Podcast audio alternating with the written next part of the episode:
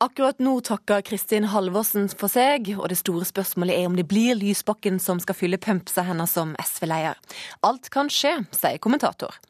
Flere hundre ble utelatt fra tiltalen etter 22. juli-terroren. Bomba smadra kontoret mitt, men jeg føler ikke burde vært nevnt, sier tidligere justisminister. Og bleier og tamponger skal lokke kvinner til Kiwi. Hjertelig velkommen til denne podkasten av NRK Ukeslutt. Mitt navn er Sara Victoria Rygg. Når de herskende prater, er det for å skjule det de virkelig gjør. Derfor kan man aldri stole på en statsråd eller en Philips-direktør. De snakker om å lyse framtid, og de mener bare seg sjøl. Mens de plyndrer ressurser i dollartempo og slipper ut oljesøl. Ikke alle politikerne sier ikke alt politikerne sier er sant, synger Tramteater. Og denne veka så ble det altså klart at ikke alle hadde oppført seg sånn som de burde gjøre. Det førte til at Audun Lysbakken trakk seg som barne- og likestillingsminister. Og det igjen førte til den verst tenkelige oppladinga til SV sitt landsmøte på Lillestrøm. Akkurat nå så står avtroppende SV-leder Kristin Halvorsen på talerstolen for å holde sin siste tale som sjef. Reporter Lars Nehru Sand, du er på Lillestrøm. Hva sier hun? Hun ble tatt imot av en voldsom applaus da hun entra talerstolen i sort dressjakke og en rød topp. Hun ber landsmøtet sitt eh, ta ansvar finne løsninger i en vanskelig tid etter en ekstrem uke, som hun sier. Akkurat nå er hun i gang med å hjelpe landsmøtet å sortere hva som er alvorlig og hva som er mindre alvorlig, etter eget utsagn, eh, med siste tids hendelser. Og det kommer nok til å ta noen minutter. Jeg hørte litt sånn lystig latter der bak, men er jo, virker hun litt glad for å forlate det synkende skipet, eller hvordan virker hun? De som er tett på henne, sier til meg at uh, Halvorsen tar det tungt at hun nå forlater et SV som uh, akkurat nå ikke fremstår som et skikkelig parti som forholder seg til regler eh, og gjør kanskje mye av det deres maktkritikk har gått ut på i, i flere år.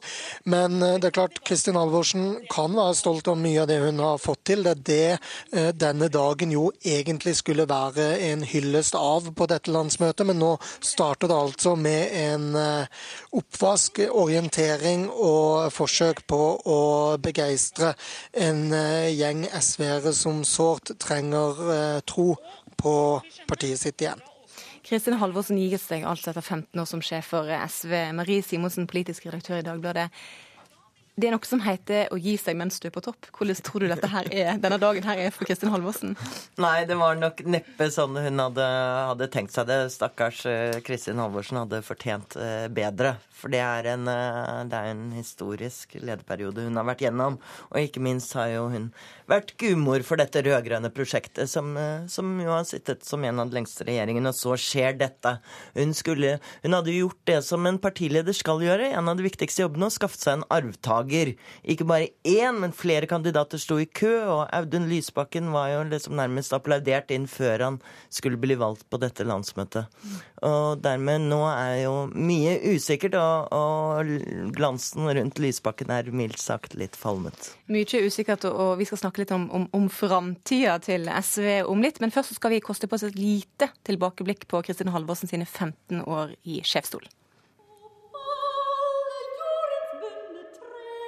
Kristin Halvorsen, vil Sosialistisk Venstrepartis ungdom nå ta opp dette med Fremskrittspartiet? Vi merker en klar fremgang blant ungdom under valgkampen nå. Kort lunte, korte skjørt. Kristin Halvorsen! Jeg har et sånt bilde i øret mitt av diverse innslag i radioen. Hvor reporteren sier og Kristin Halvorsen fra SV reagerer meget sterkt på dette. Og så vet vi Landsmøtet har gjort et viktig vedtak i forhold til deling av arbeid, sekstimersdag, og rett til å styre arbeidstida si mer sjøl. Som motmakt til den fleksibilisering som nå er på vei inn fra, fra mange arbeidsgivere. Vi veit at de mannfolka som er sværest i kjeften og mest sjåvinistiske, det er de som trenger det minste fikenbladet selv. Jeg koste meg stort over Kristin Halvorsens eh, kommentar. Hun parerte det meget elegant. Jeg tok for mye Møller Strand. Ja. Beklager. Kristin Halvorsen.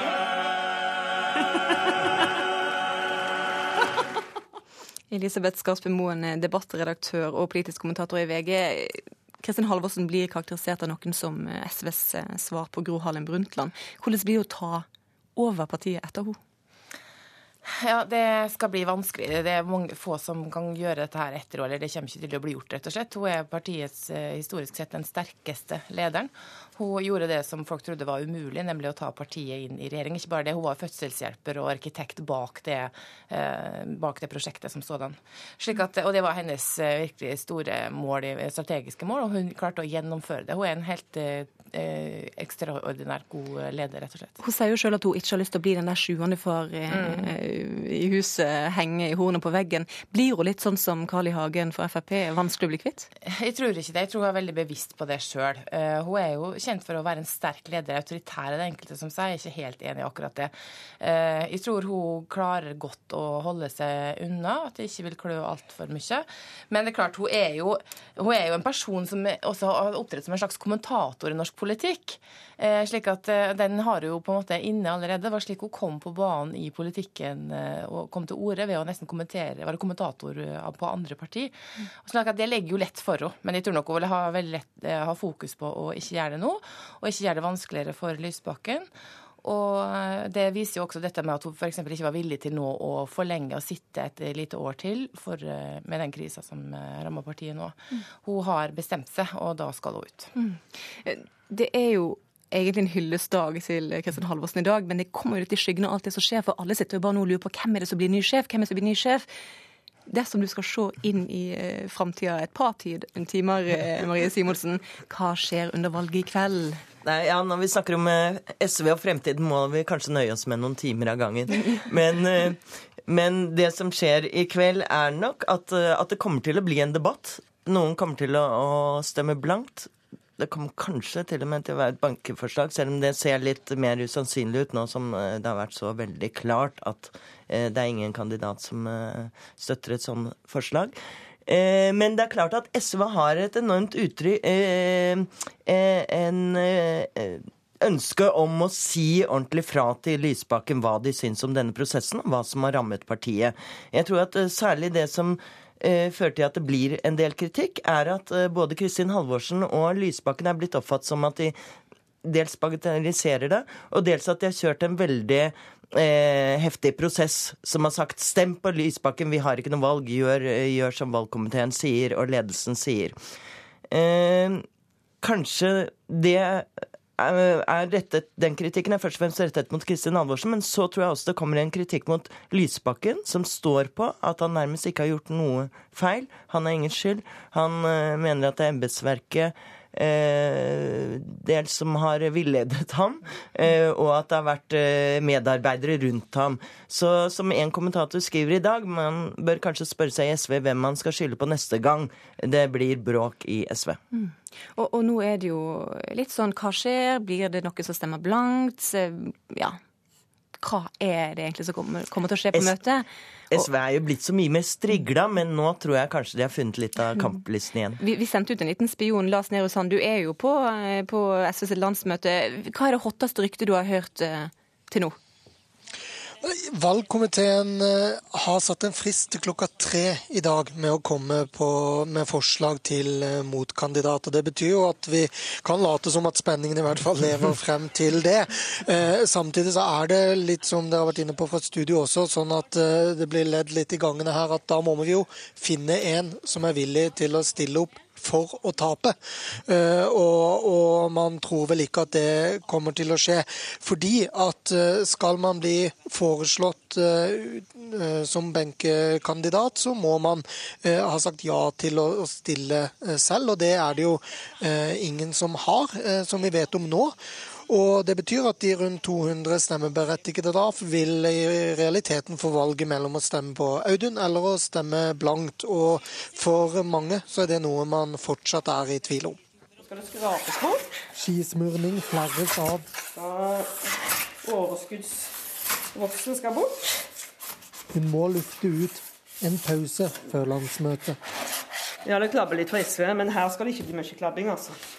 I skiløypene går det bra. Hun har vansker med å skrive Lysbakken på stemmeseddelen sin i dag. på en måte så er jeg i tenkeboksen sånn, så jeg tenker nå per i dag så er jeg jo egentlig en, en, en blank stemme. Men jeg går til landsmøtet med litt åpent sinn. Jeg har lyst til å høre hva Audun sier. Det er heller vel mest å stemme blankt, ja. Hvorfor vil dere dere selv så vondt? Ja, nei, Det er vel den åpenheten og den friheten eh, som, eh, som ligger i alle SV-sjeler, det da. Uken har vært tung. Folk har måttet ha gått inn i dette, prøve å fordøye det, snakke om det. Det er vanskelig for å, for å, få bort litt av den usikkerheten for å bestemme seg for hva en skal havne ned på. Ja, ja. Sånn, da får vi snart spenne på skia og komme oss ut. Er det noe annet? Vi, vi, tar det etterpå. Har du fått tak i Camilla Anne Marte? Skal jeg bare sjekke om det Nå sitter jo de der inne, og vi skulle egentlig hatt møterom. Det er ikke noe ledig møterom. Oi, det går bra, det. Skal bare sjekke mailen min. Eh, men nå egentlig, jeg må bare ta en telefon. Silje Skei Tveitdal har ingen pause. Hun forklarer og forsvarer internt og eksternt. Partisekretæren har planleggingsmøte. Har du noen andre saker enn dette? Nei, For da kan vi bare gjøre det på liksom, ett kvarter? Ja, ja. Jeg tenkte at vi ikke skulle For jeg tror fortsatt at vi får et bra landsmøte, at vi får valgt leder og vi skal ha disse seminarene knyttet til arbeidsprogrammet. Ingen problemer, bare utfordringer. Det er jo sånn det skal være i SV. At her, det skal være et parti hvor du har lov til å si akkurat det du mener. Eh, selv om ikke du da er enig altså Det er ikke nødvendigvis 100% enighet som er målet vårt. Eh, så kall det gjerne sjarmen. Og så er det litt utfordrende mens det står på. Hei, Martha. Du var så fin på håret. Heikki Holmås, sjarmøren, lar seg ikke sjarmere til å stille. Jeg ser på det som helt usannsynlig at, eh, at vi velger en annen leder enn Audun. Ned en etasje. Skal du ned i Løvens hule? Nei, jeg skal ned til landsstyremøtet, som, eh, som, eh, har hatt et veldig godt og åpent og ærlig møte. Eh, der jeg føler meg veldig, veldig vel. Audun og SV er helt i kjelleren. Hvor mange blanke stemmer tåler du egentlig? Nei, du, du, får ikke noe tall fra meg. Jeg, men jeg tåler de som er der. Det jeg ikke tåler, er hvis folk drar fra dette landsmøtet og føler de ikke har fått gi uttrykk for, eh, for den kritikk som måtte være mot meg. For Vi skal ikke nå ha et landsmøte der folk presses til å slutte rekkene. Vi skal ha et landsmøte der alle kan dra hjem og føle at de har fått sagt det de hadde på hjertet. I hele morges har koffertene trillet inn. Hva sa du? Da. Ledelsen begynner å få kontroll. Så det er ikke så mange timene igjen nå. Det kommer til å gå bra. Ja, da er vi her. ja, vi går inn. Setter jeg fra meg bagen. så Ruth har ikke bestemt seg. Dette blir spennende. Jeg vil fortsatt ha den friheten jeg fram til jeg har på en måte snakka mer med folk, oppleve hva holdningene er, og ikke minst Audun sjøl. Elisabeth Skarsby Moen, SV-velgere plar vanligvis etterlyse politiske ledere med høy moral, skrev du tidligere i veka. Er Lysbakken denne lederen?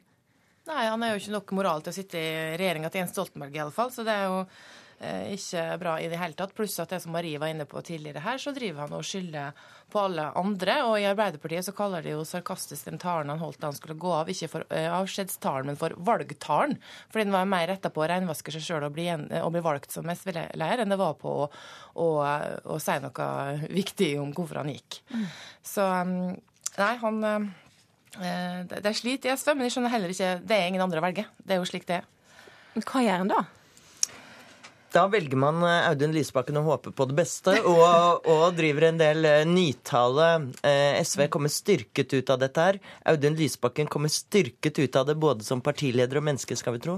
Det er en fordel at SV har partilederen utenfor regjering og på Stortinget. Alt dette er selvfølgelig ikke sant. Bortsett fra kanskje at Audun Lysbakken kommer styrket ut som menneske. Men, men, men, det er klart at dette er eh, en svekkelse og en stor utfordring for SV. De var allerede i krise før dette skjedde. Eh, veldig lav oppslutning. Noe av det som har ridd dem som en mare, er jo at de ikke har fått gjennomslag i eh, regjering. Altså Det er ikke synliggjort hva de har oppnådd i regjering. Audun Lysbakken varslet jo at han skulle bli mye tøffere overfor Jens Stoltenberg. Og dette er han Det er en veldig dårlig posisjon å begynne å tøffe seg fra, som han sitter i nå. Hvis han skulle ha blitt, kommet styrka ut av dette som leder, så tror jeg han måtte ha vist litt mer sjølinnsikt enn det han har gjort nå. For han har jo ikke virka, virka, jo ikke som han har ville tatt konsekvens og lærdom av det han har lært, at det på seg tatt inn over seg, i og med at han da driver også og fordeler skyld på andre. Mm. Kristin Halvorsen tar sitt kanskje la oss kalle livsprosjekt i dag og mm. gir det videre til neste leder. Hvor sur tror du hun er på Audun Lysbakken? Altså, jeg jo også at Det er et bredere bilde vi har fått frem i media de siste dagene. nå. Da. Det kommer flere saker opp i eh, vannskorpa eller for dagen, og de er ikke like. Men de har noe fellestrekk, nemlig at det har vært for dårlig eh, kontroll i flere SV-departement. Og her virker det jo som om dette, det som kommer fram, er et parti som for første gang har sittet i regjering. Det har vært litt urutinert. Ikke hatt stått nok fokus internt på å minne hverandre på hvor viktig det er å lytte til embetsverket. At embetsverket er der for å hjelpe politikere nettopp, og ikke gå i slike feller som dette her. Men istedenfor så har jeg jo vært veldig suverene i alle departement og, og sagt, altså Kristin Halvorsen sjøl også, og bare satt en strek over det byråkratene har prøvde prøvd å ri deg råd om, og satt det til side for å drive politikk. Det ligner jo, altså SV er jo ofte aktivister i utgangspunktet, så det ligger litt i de personene som oppsøker partiet sin natur. Men Kristin Halvorsen er jo kjent for å være ryddig dame, så det overraska meg egentlig litt. Grann. Men det er klart at eh, Kristin Halvorsen, det som har vært viktig for henne, er å komme ut og rydde opp i dette her på en ordentlig måte. Og så vidt jeg vet, eh, har hun vært dypt inne i denne prosessen hele tiden og sett alvoret fra dag én. Fordi at det er klart at, eh, at det er ikke noe hyggelig for henne om det er hun etterlater seg et bilde av at hun ikke har holdt kontroll over troppene sine. Mm. På mandag så var det nok mange kommentatorer som fikk litt hakeslepp når Lysbakken gikk. Han hadde kanskje lurt mange til å tro at han ikke kom til å gjøre det. Mm. Lurer Lysbakken dere i dag? Hmm, det får vi jo bare vente og se, da. Men jeg tror jo ikke det. Altså, det er mange andre eh, ting å tenke på her. Og hva skal skje hvis Heikki Holmås blir valgt? Altså, eller skulle blitt valgt, da. Hva ville det gjort for partiet? Altså, det ville jo ikke gått mange dagene før Lysbakken-gjengen hadde begynt på å komme seg på krigsstien. Da har man et totalt splittet parti, ja. og det som tross alt er fakta, er at uh, oppslutningen om Lysbakken er desidert størst. Mm, så Lysbakken blir sjef? Yes. Takk til deg, Marie Simonsen, og til deg, Elisabeth Skarsbø Moen. Navnene til 119 ofre og skadde står svart på hvitt i tiltalen mot Anders Behring Breivik. Svært mange av de som var i livsfare den 22. juli i fjor, ble ikke nevnt. Hvis vi skulle nevnt hver eneste en ved navn, så ville vi risikert at hver eneste en, og det ville da vært hundrevis av mennesker, måtte inn i retten og forklare seg. Eh, og retten måtte ta stilling til hvorvidt hver og en hadde vært utsatt for et drapsforsøk eller ikke. Dette må veies opp mot behovet til eh, etterlatte, pårørende, skadede personer som eh, kanskje har et sterkt ønske om at saken skal avvikles innenfor en betydelig kortere tidsramme. Det har vært veldig tungt. vi har bred erfaring med grove, vanskelige kriminalsaker ved vårt kontor. Selv har jeg arbeidet med dette hele mitt liv, men aldri hatt en slik sak. Den preger oss og kommer til å prege oss fremover. Det er det ingen tvil om. Og jeg håper etter hvert at man vil få forståelse for de valgene vi har gjort. Det sa statsadvokatene Inga Beyer Eng og Svein Holden og riksadvokat Tor Aksel Busch tidligere i veka. I studio har vi med oss to personer som eh, begge var mål for terroristen 22.07, men på svært så ulike måter. Denne veka fikk de nok en ting til felles. Ingen av de ble navngitt i tiltalen. Mitt navn er Emma Martinovic, og jeg var på Utøya 22.07. Eh, jeg var eh, jeg gjemte meg med tre venner i en fjellvegg når eh, skytinga begynte, og vi løp fra hovedbygget. Eh, vi var der i en halvtime før vi la på svøm. Jeg eh, svømte alene først, før det kom en liten gutt på elleve år og ei jente som svømte med meg gjennom hele, hele perioden vi var i vann. Deretter ble vi henta av av en eh, båt som var, kom fra campingplassen. Jeg heter Knut Storberget. Jeg var justisminister 22.07. 22.07 var jeg på vei til eh, ferie i Engerdal. Jeg hadde bilen full av barn og, og dyr. En katte. Mm. Jeg ble satt av på, i Engerdalen etter at jeg hadde fått rapporter om at kontoret og kontorene våre var smadra i stykker. Og ble raskt brakt tilbake til Oslo med politi hvor jeg fikk alle de rystende meldingene som kom fra Utøya, som jo Emma var en del av. Mm. Ingen av dere ble nevnt i tiltalen som er lagt fram denne veka. Hvordan eh, var det for deg, Emma? Eh, det var en eh, blanding av frustrasjon og full forståelse for at ikke alle kan bli nevnt i tiltalen. Um, det varierte veldig mye. Første timene så følte jeg meg litt sint og litt frustrert over at jeg ikke sto der, og hadde fått beskjed fra advokaten min at jeg fortjente å stå der. Men etter å ha tenkt litt frem og tilbake og snakka litt med andre også som, som, følte akkurat det samme som meg, så kom man fram til at det var noen fordeler med å ikke bli nevnt. Men eh, Hvilke fordeler da? Nei, som at du ikke trenger da vitne i rettssaken. Knut Storberg, hvordan var det for deg å ikke være nevnt i tiltalen? Ja, jeg har litt annet utgangspunkt enn Emma. Eh, fordi at jeg føler at jeg har stor forståelse for det hun sier. Men samtidig så, for min egen del, så føler jeg vel at angrepet var retta mot Arbeiderpartiet og det offisielle demokratiet vi har, og det embetet som jeg da innehadde. Slik at det var det som var angrepet. Så jeg føler liksom ikke det går på min person. Det var ditt kontor som ble sprengt? Absolutt, det var det. Men eh, jeg hadde ikke noen forventninger da om at man skal nevne personnavn inn i dette. Eh, det er litt annerledes for eh, de ungdommene som var på Utøya, og de som ble eh, direkte skadelidt utenfor eller umiddelbar nærhet til regjeringsbygget, syns jeg nok. Så jeg syns nok Emma har gode resonnement rundt det. Du var på vei til, på ferie, men du skulle egentlig vært på kontoret den dagen? Ja, jeg sa til kona mi tidlig på morgenen, og det er jo sånn med livets tilfeldigheter også, at at uh, jeg tror jeg tar meg en tur innom allikevel. Det var jo alltid sånn at jeg ville dit. uh, og hun uh, sier til meg at i dag kan du vel droppe det, så kommer vi oss tidlig ut av byen, slik at vi unngår rush og en del sånne ting. Og så strakk jeg meg dit hen og mm. gjorde sitt til at jeg unngikk kontoret den dagen. Og det er jeg veldig glad for når jeg ser hvordan kontorene våre så ut i ettertid. Mm. Så du føler ikke deg som en direkte berørt i, i denne her saka? Nei, jeg, jeg har problemer med liksom å se det slik, selv om jeg skjønner godt at mange andre gjør det. Mm. Hvem og, andre gjør det? Gjør familien din det, f.eks.? Ja, eh, en del av de som sto meg nære, eh, både den 22.7., mm. følte nok at man var interessert i å vite hvor jeg var og hvordan det hadde gått. Og det kom litt sånn overraskende, for at jeg tror vel kanskje at de som står rundt oss, ser mye lettere personene i det enn en embetet, da. Mm. Så jeg har aldri følt meg sånn personlig berørt. men det, forut, det, utelukker jo ikke at jeg har veldig sterke følelser for det som skjedde, mm. og også føler både sinne og, og vemod. Men, men, i denne her tiltalen så nevnes jo verken deg eller Jens Stoltenberg f.eks. Og dette her var et direkte angrep mot regjeringsbygget. Burde ikke navnet stått i tiltalen sånn at det virkelig ble understreket hvor kraftig angrep dette her var på, på Norge og på regjeringa? Nei, jeg, jeg syns jo ikke det. Jeg syns påtalemyndigheten og Riksadvokaten har foretatt en veldig fornuftig avgrensning, i den grad det er mulig å være fornuftig i en sånn sak. Og når du leser hele den tiltalebeslutningen, så er det ikke vanskelig å få øye på det dramatiske og det alvorlige, og at dette ramma mange. Og hele grunnlaget for terrortiltalebeslutningen er jo at det skapte frykt hos mange mennesker. Hvordan har denne saka her prega deg?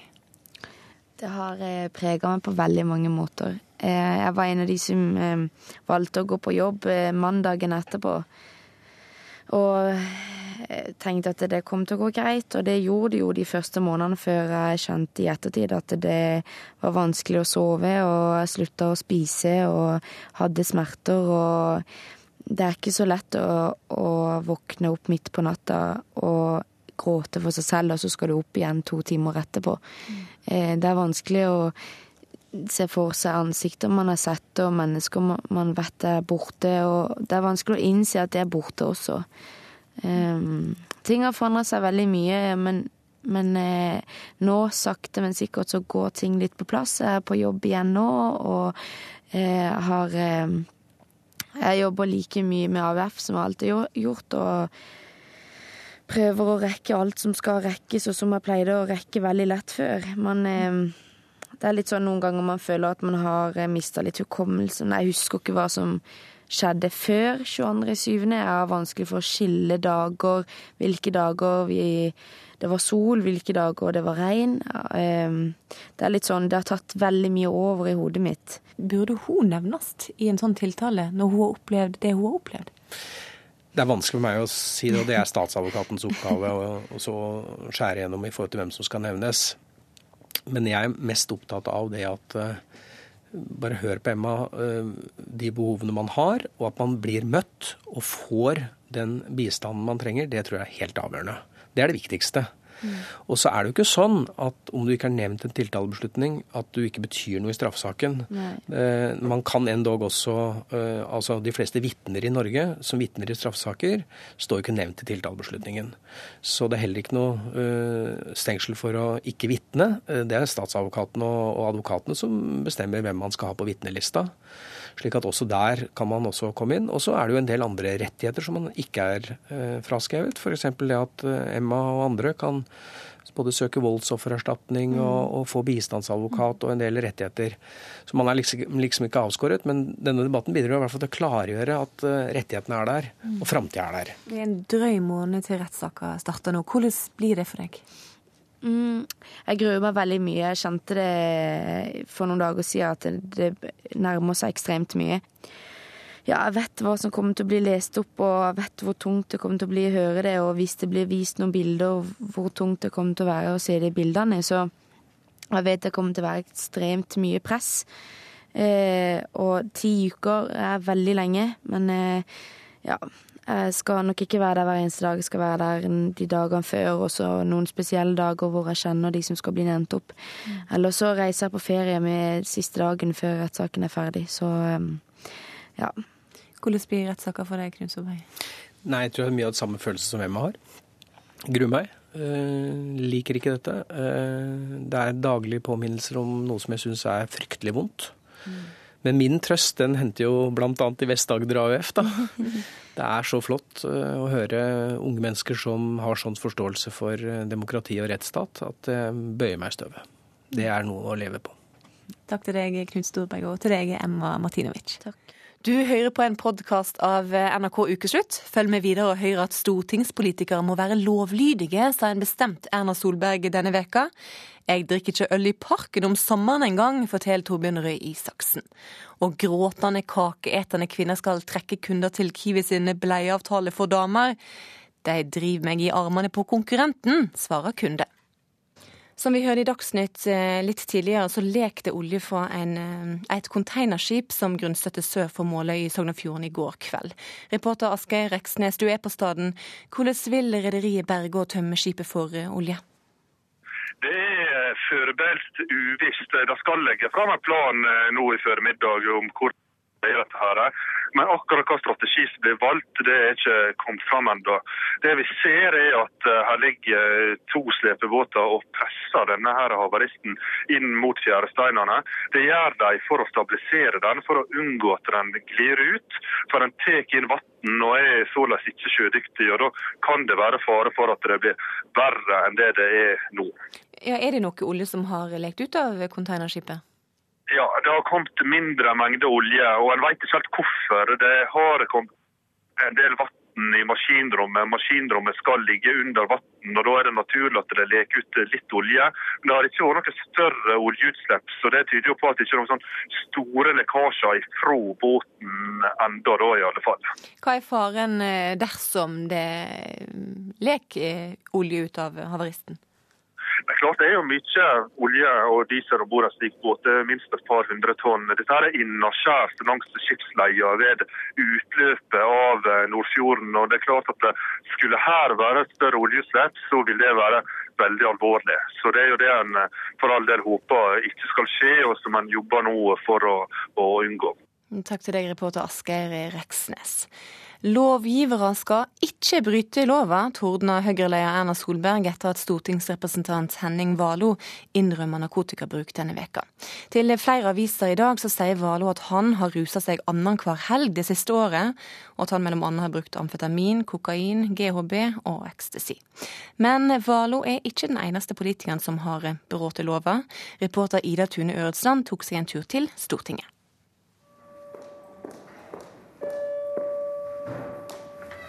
Det er jo helt sånn Det er så mye korridorer her som man kan gå seg litt vill til tider. Nå plinger det, da, for det kaller representanter inn i salen til en eller annen votering eller noe sånt. Mm. Du får si fra hvis vi går forbi kontoret til noen som har gjort noe, gjort noe gærent. Fridtjof Jacobsen er kommentator i VG og bruker mye tid på Stortinget.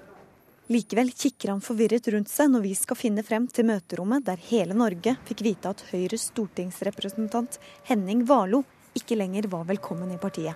Rytman Svendsen. Det er sånn, sånn Frp-ere her oppe. Det er en liten sånn gang oppe i fjerde etasje. Så denne gangen så kan det ha skjedd litt. eh. Det har vært litt svett her noen ganger, kanskje. Tirsdag kveld holdt Sandberg et innlegg fra talerstolen i Stortinget etter å ha drukket tre akevitt og en øl.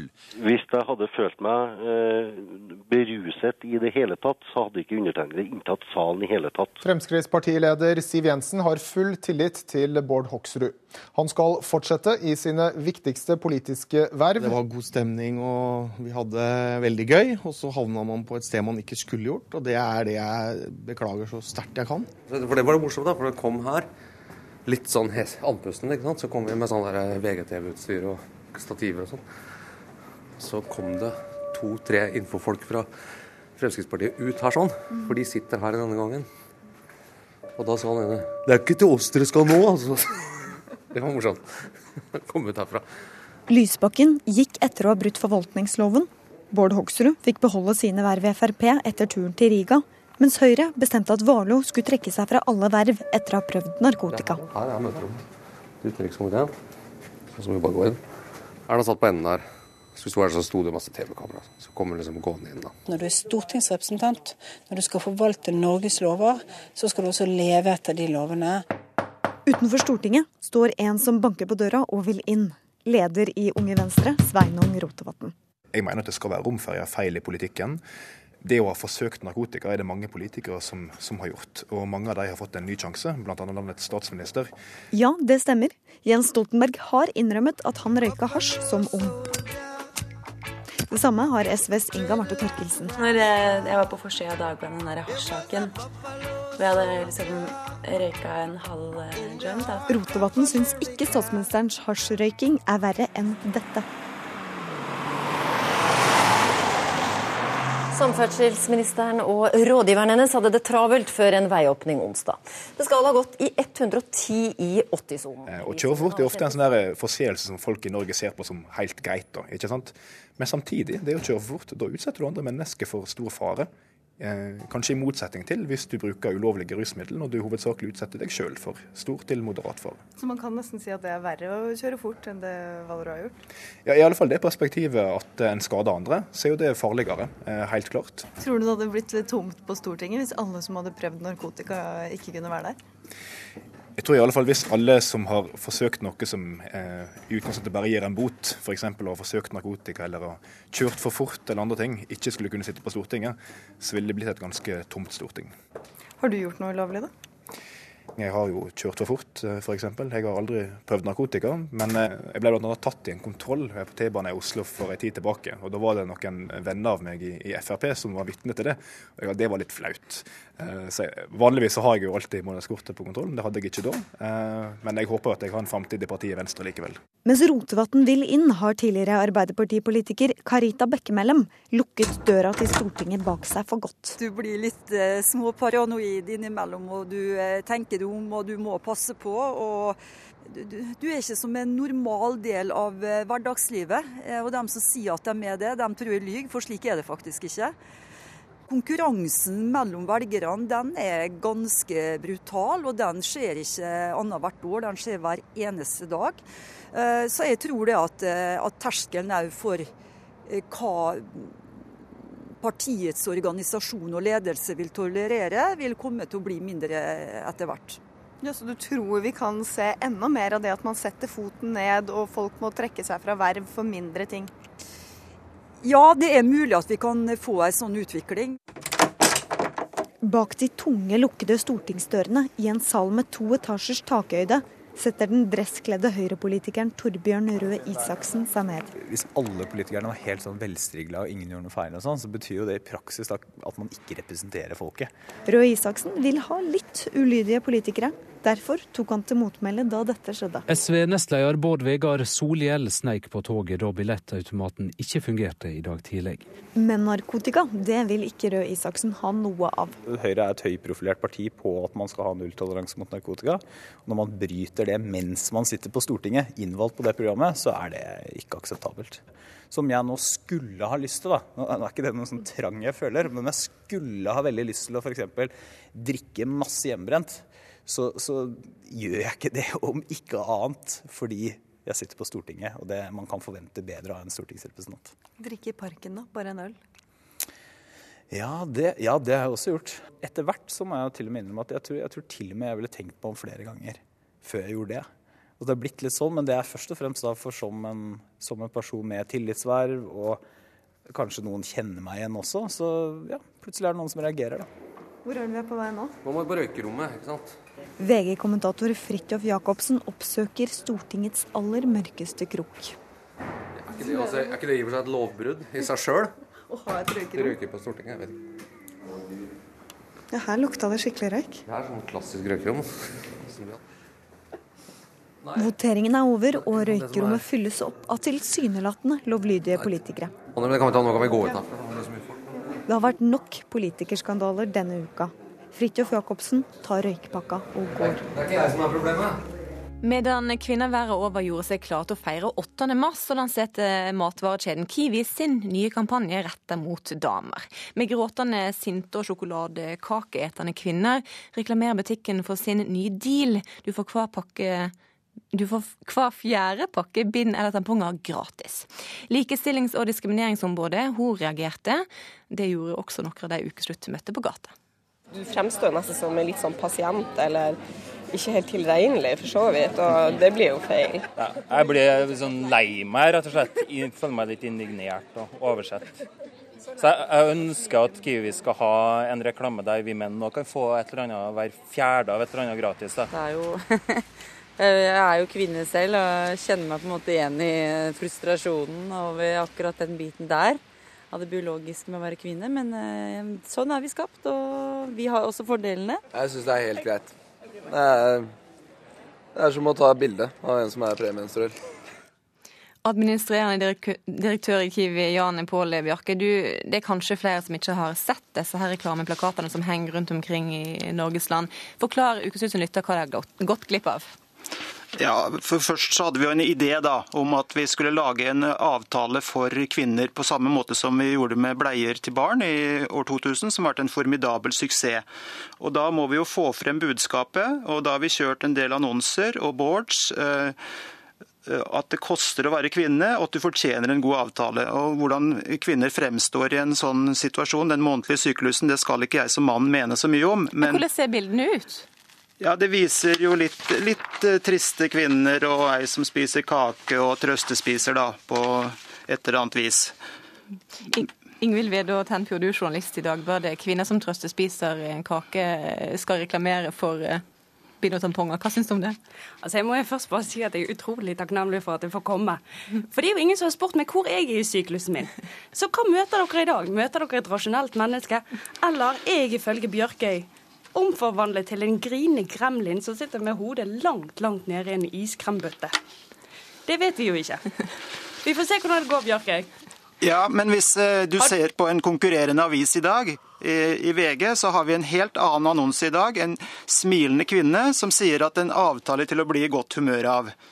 Så nå vrir vi budskapet fra det litt triste til å være det, det, glade. Er det fordi dere har fått kritikk fra kvinner? Nei, nei. Dette har vært planlagt lenge. og Reklamekampanjen vår er jo utarbeidet av et team som utelukkende består av kvinner. og Det skal være en mild humor, og vi har fulgt deres anbefaling og vi har fulgt rådene.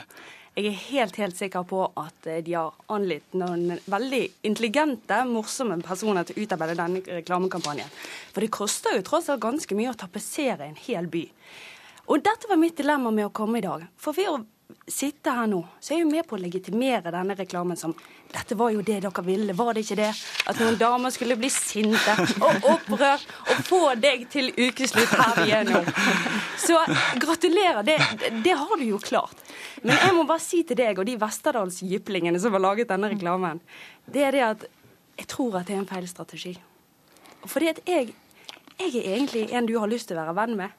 Er du klar over hvor mye penger jeg legger igjen på Kiwi? Og den summen jeg legger igjen og bruker på bleier og frokostblanding og eplejus, den langt, langt overgår den jeg bruker på tamponger. Ja, skremmer du vekk kundene dine? Jørke? Nei, Jeg håper jo virkelig ikke det, og vi beklager veldig hvis noen føler seg støtt, for det er absolutt ikke hensikten. Hva var hensikten? Hensikten er å, å, gi kvinnene et bra eh, pristilbud gjennom å få hver fjerde gratis, og spare penger, rett og slett. Men da synes jeg, jeg, jeg synes jo egentlig at da er det en gavepakke inn i dritt. For da gir du meg gratis eh, bindpakke innimellom. Men samtidig så må jeg da tåle at jeg blir undervurdert og fremstilt som en hormonell bombe. Jeg vil bare si at Vi undervurderer ikke kvinnene. Av våre 9000 ansatte i Kiwi så er de fleste kvinner. Av alle våre kunder så er ca. 70% av innkjøpene gjøres av kvinner. Så vi, vi, hører og respekterer våre kvinner. Vi, og vi hører på hva dere sier nå, så Jeg vet det, for jeg er der ofte. De er kjempesøte, de som jobber der. Jeg har ikke sett de så mye akkurat denne uken. For nå har jeg gått 200 meter lenger ned i gaten til Ica Maxi. Mista en kunde der, altså, Bjørke. Det var kvinnedagen denne veka. Er disse her reklameplakatene kvinnedagaktige, syns du? Nei, men vi må jo fremstille kvinner, for det er jo de som bruker produktene. Så at det falt sammen med kvinnedagen er helt tilfeldig. Det men, hadde vi ikke tenkt på. Du sier dere må fremstille kvinner. Er dette her riktig måte å fremstille kvinner på, tenker du? Ja, altså, som jeg sier, så er det kvinner som har utarbeidet dette, og det er testet ut på en rekke kvinner. Men det er du kvinner. som har betalt for det? Ja, det er det. Det er jeg som har ansvaret. Det er jo populært å ta ansvar i disse dager, så det er ikke noe tvil om det, Kiwi, at det er jeg som har ansvaret. Og Er det da riktig måte å fremstille kvinner på, sånn som du ser? Ja, men nå vrir vi jo eh, kampanjen til det mer blide, til det smilende, viser litt humor med glimt i øyet. Eh, og Vi ønsker på denne måten å, gjøre en god deal for, eh, for kvinnene og tiltrekke kvinnene til våre butikker. Det er viktige, veldig viktige kunder. Men Er dette her litt sånn mangel på sjølironi, Ingvild Tenfjord? Altså, Det er jo klart at dette er morsomt. Det er morsomt på akkurat samme måte som det er hvis du fremstiller afrikanere som i bastskjørt med en ring gjennom nesen. Og, og, det er jo alltid noen som synes at det er hårsårt å reagere på sånne ting. Eh, og det er sikkert noen som synes at jeg er hårsår nå. Jeg syns jo Tenfjord drar det veldig langt nå, da. Det må jeg jo si. Eh, vi har fått bare et titalls reaksjoner direkte til, til, Kiwi, og de fleste er fra menn som føler seg diskriminert. Jeg var så overrasket over at du ikke hadde vært inne på sosiale medier i det hele tatt, for det, der ligger det noen flere reaksjoner. Mm. Okay. Men, men, de her mennene som reagerer, de føler seg jo rett og slett diskriminert. Vi hørte òg her tidligere i sendinga. Hva vil du nå gjøre for at menn skal få eh, nok eh, gratis hver fjerde gang de handler hos dere? Ja, da får vi prøve å legge hodene våre i bløt, da. Det har jo kommet noen kreative forslag med både barberbladavtale, og noen har kommet med øl, og i Sunnmørsposten i dag så står det kondomer, så her er det mange muligheter. Og hvordan skal dere da framstille disse mennene på reklameplakater rundt omkring i Norges land? Nei, det kan du spørre om dere har noen idé på det, kanskje. Det... Hvordan syns du, Ingvild Tenfjord? Å, jeg har noen bilder oppi hodet, men jeg tror ikke de passer seg på radio. Takk til deg, Jan Påle Bjarke, og til deg, Ingvild Vedå Tenfjord. Du har hørt en podkast av NRK Ukeslutt. Ansvarlig for sendinga var Elisabeth Onsum. Arnt Egil Nordlien styrte teknikken, og jeg heter Sara Victoria Rygg.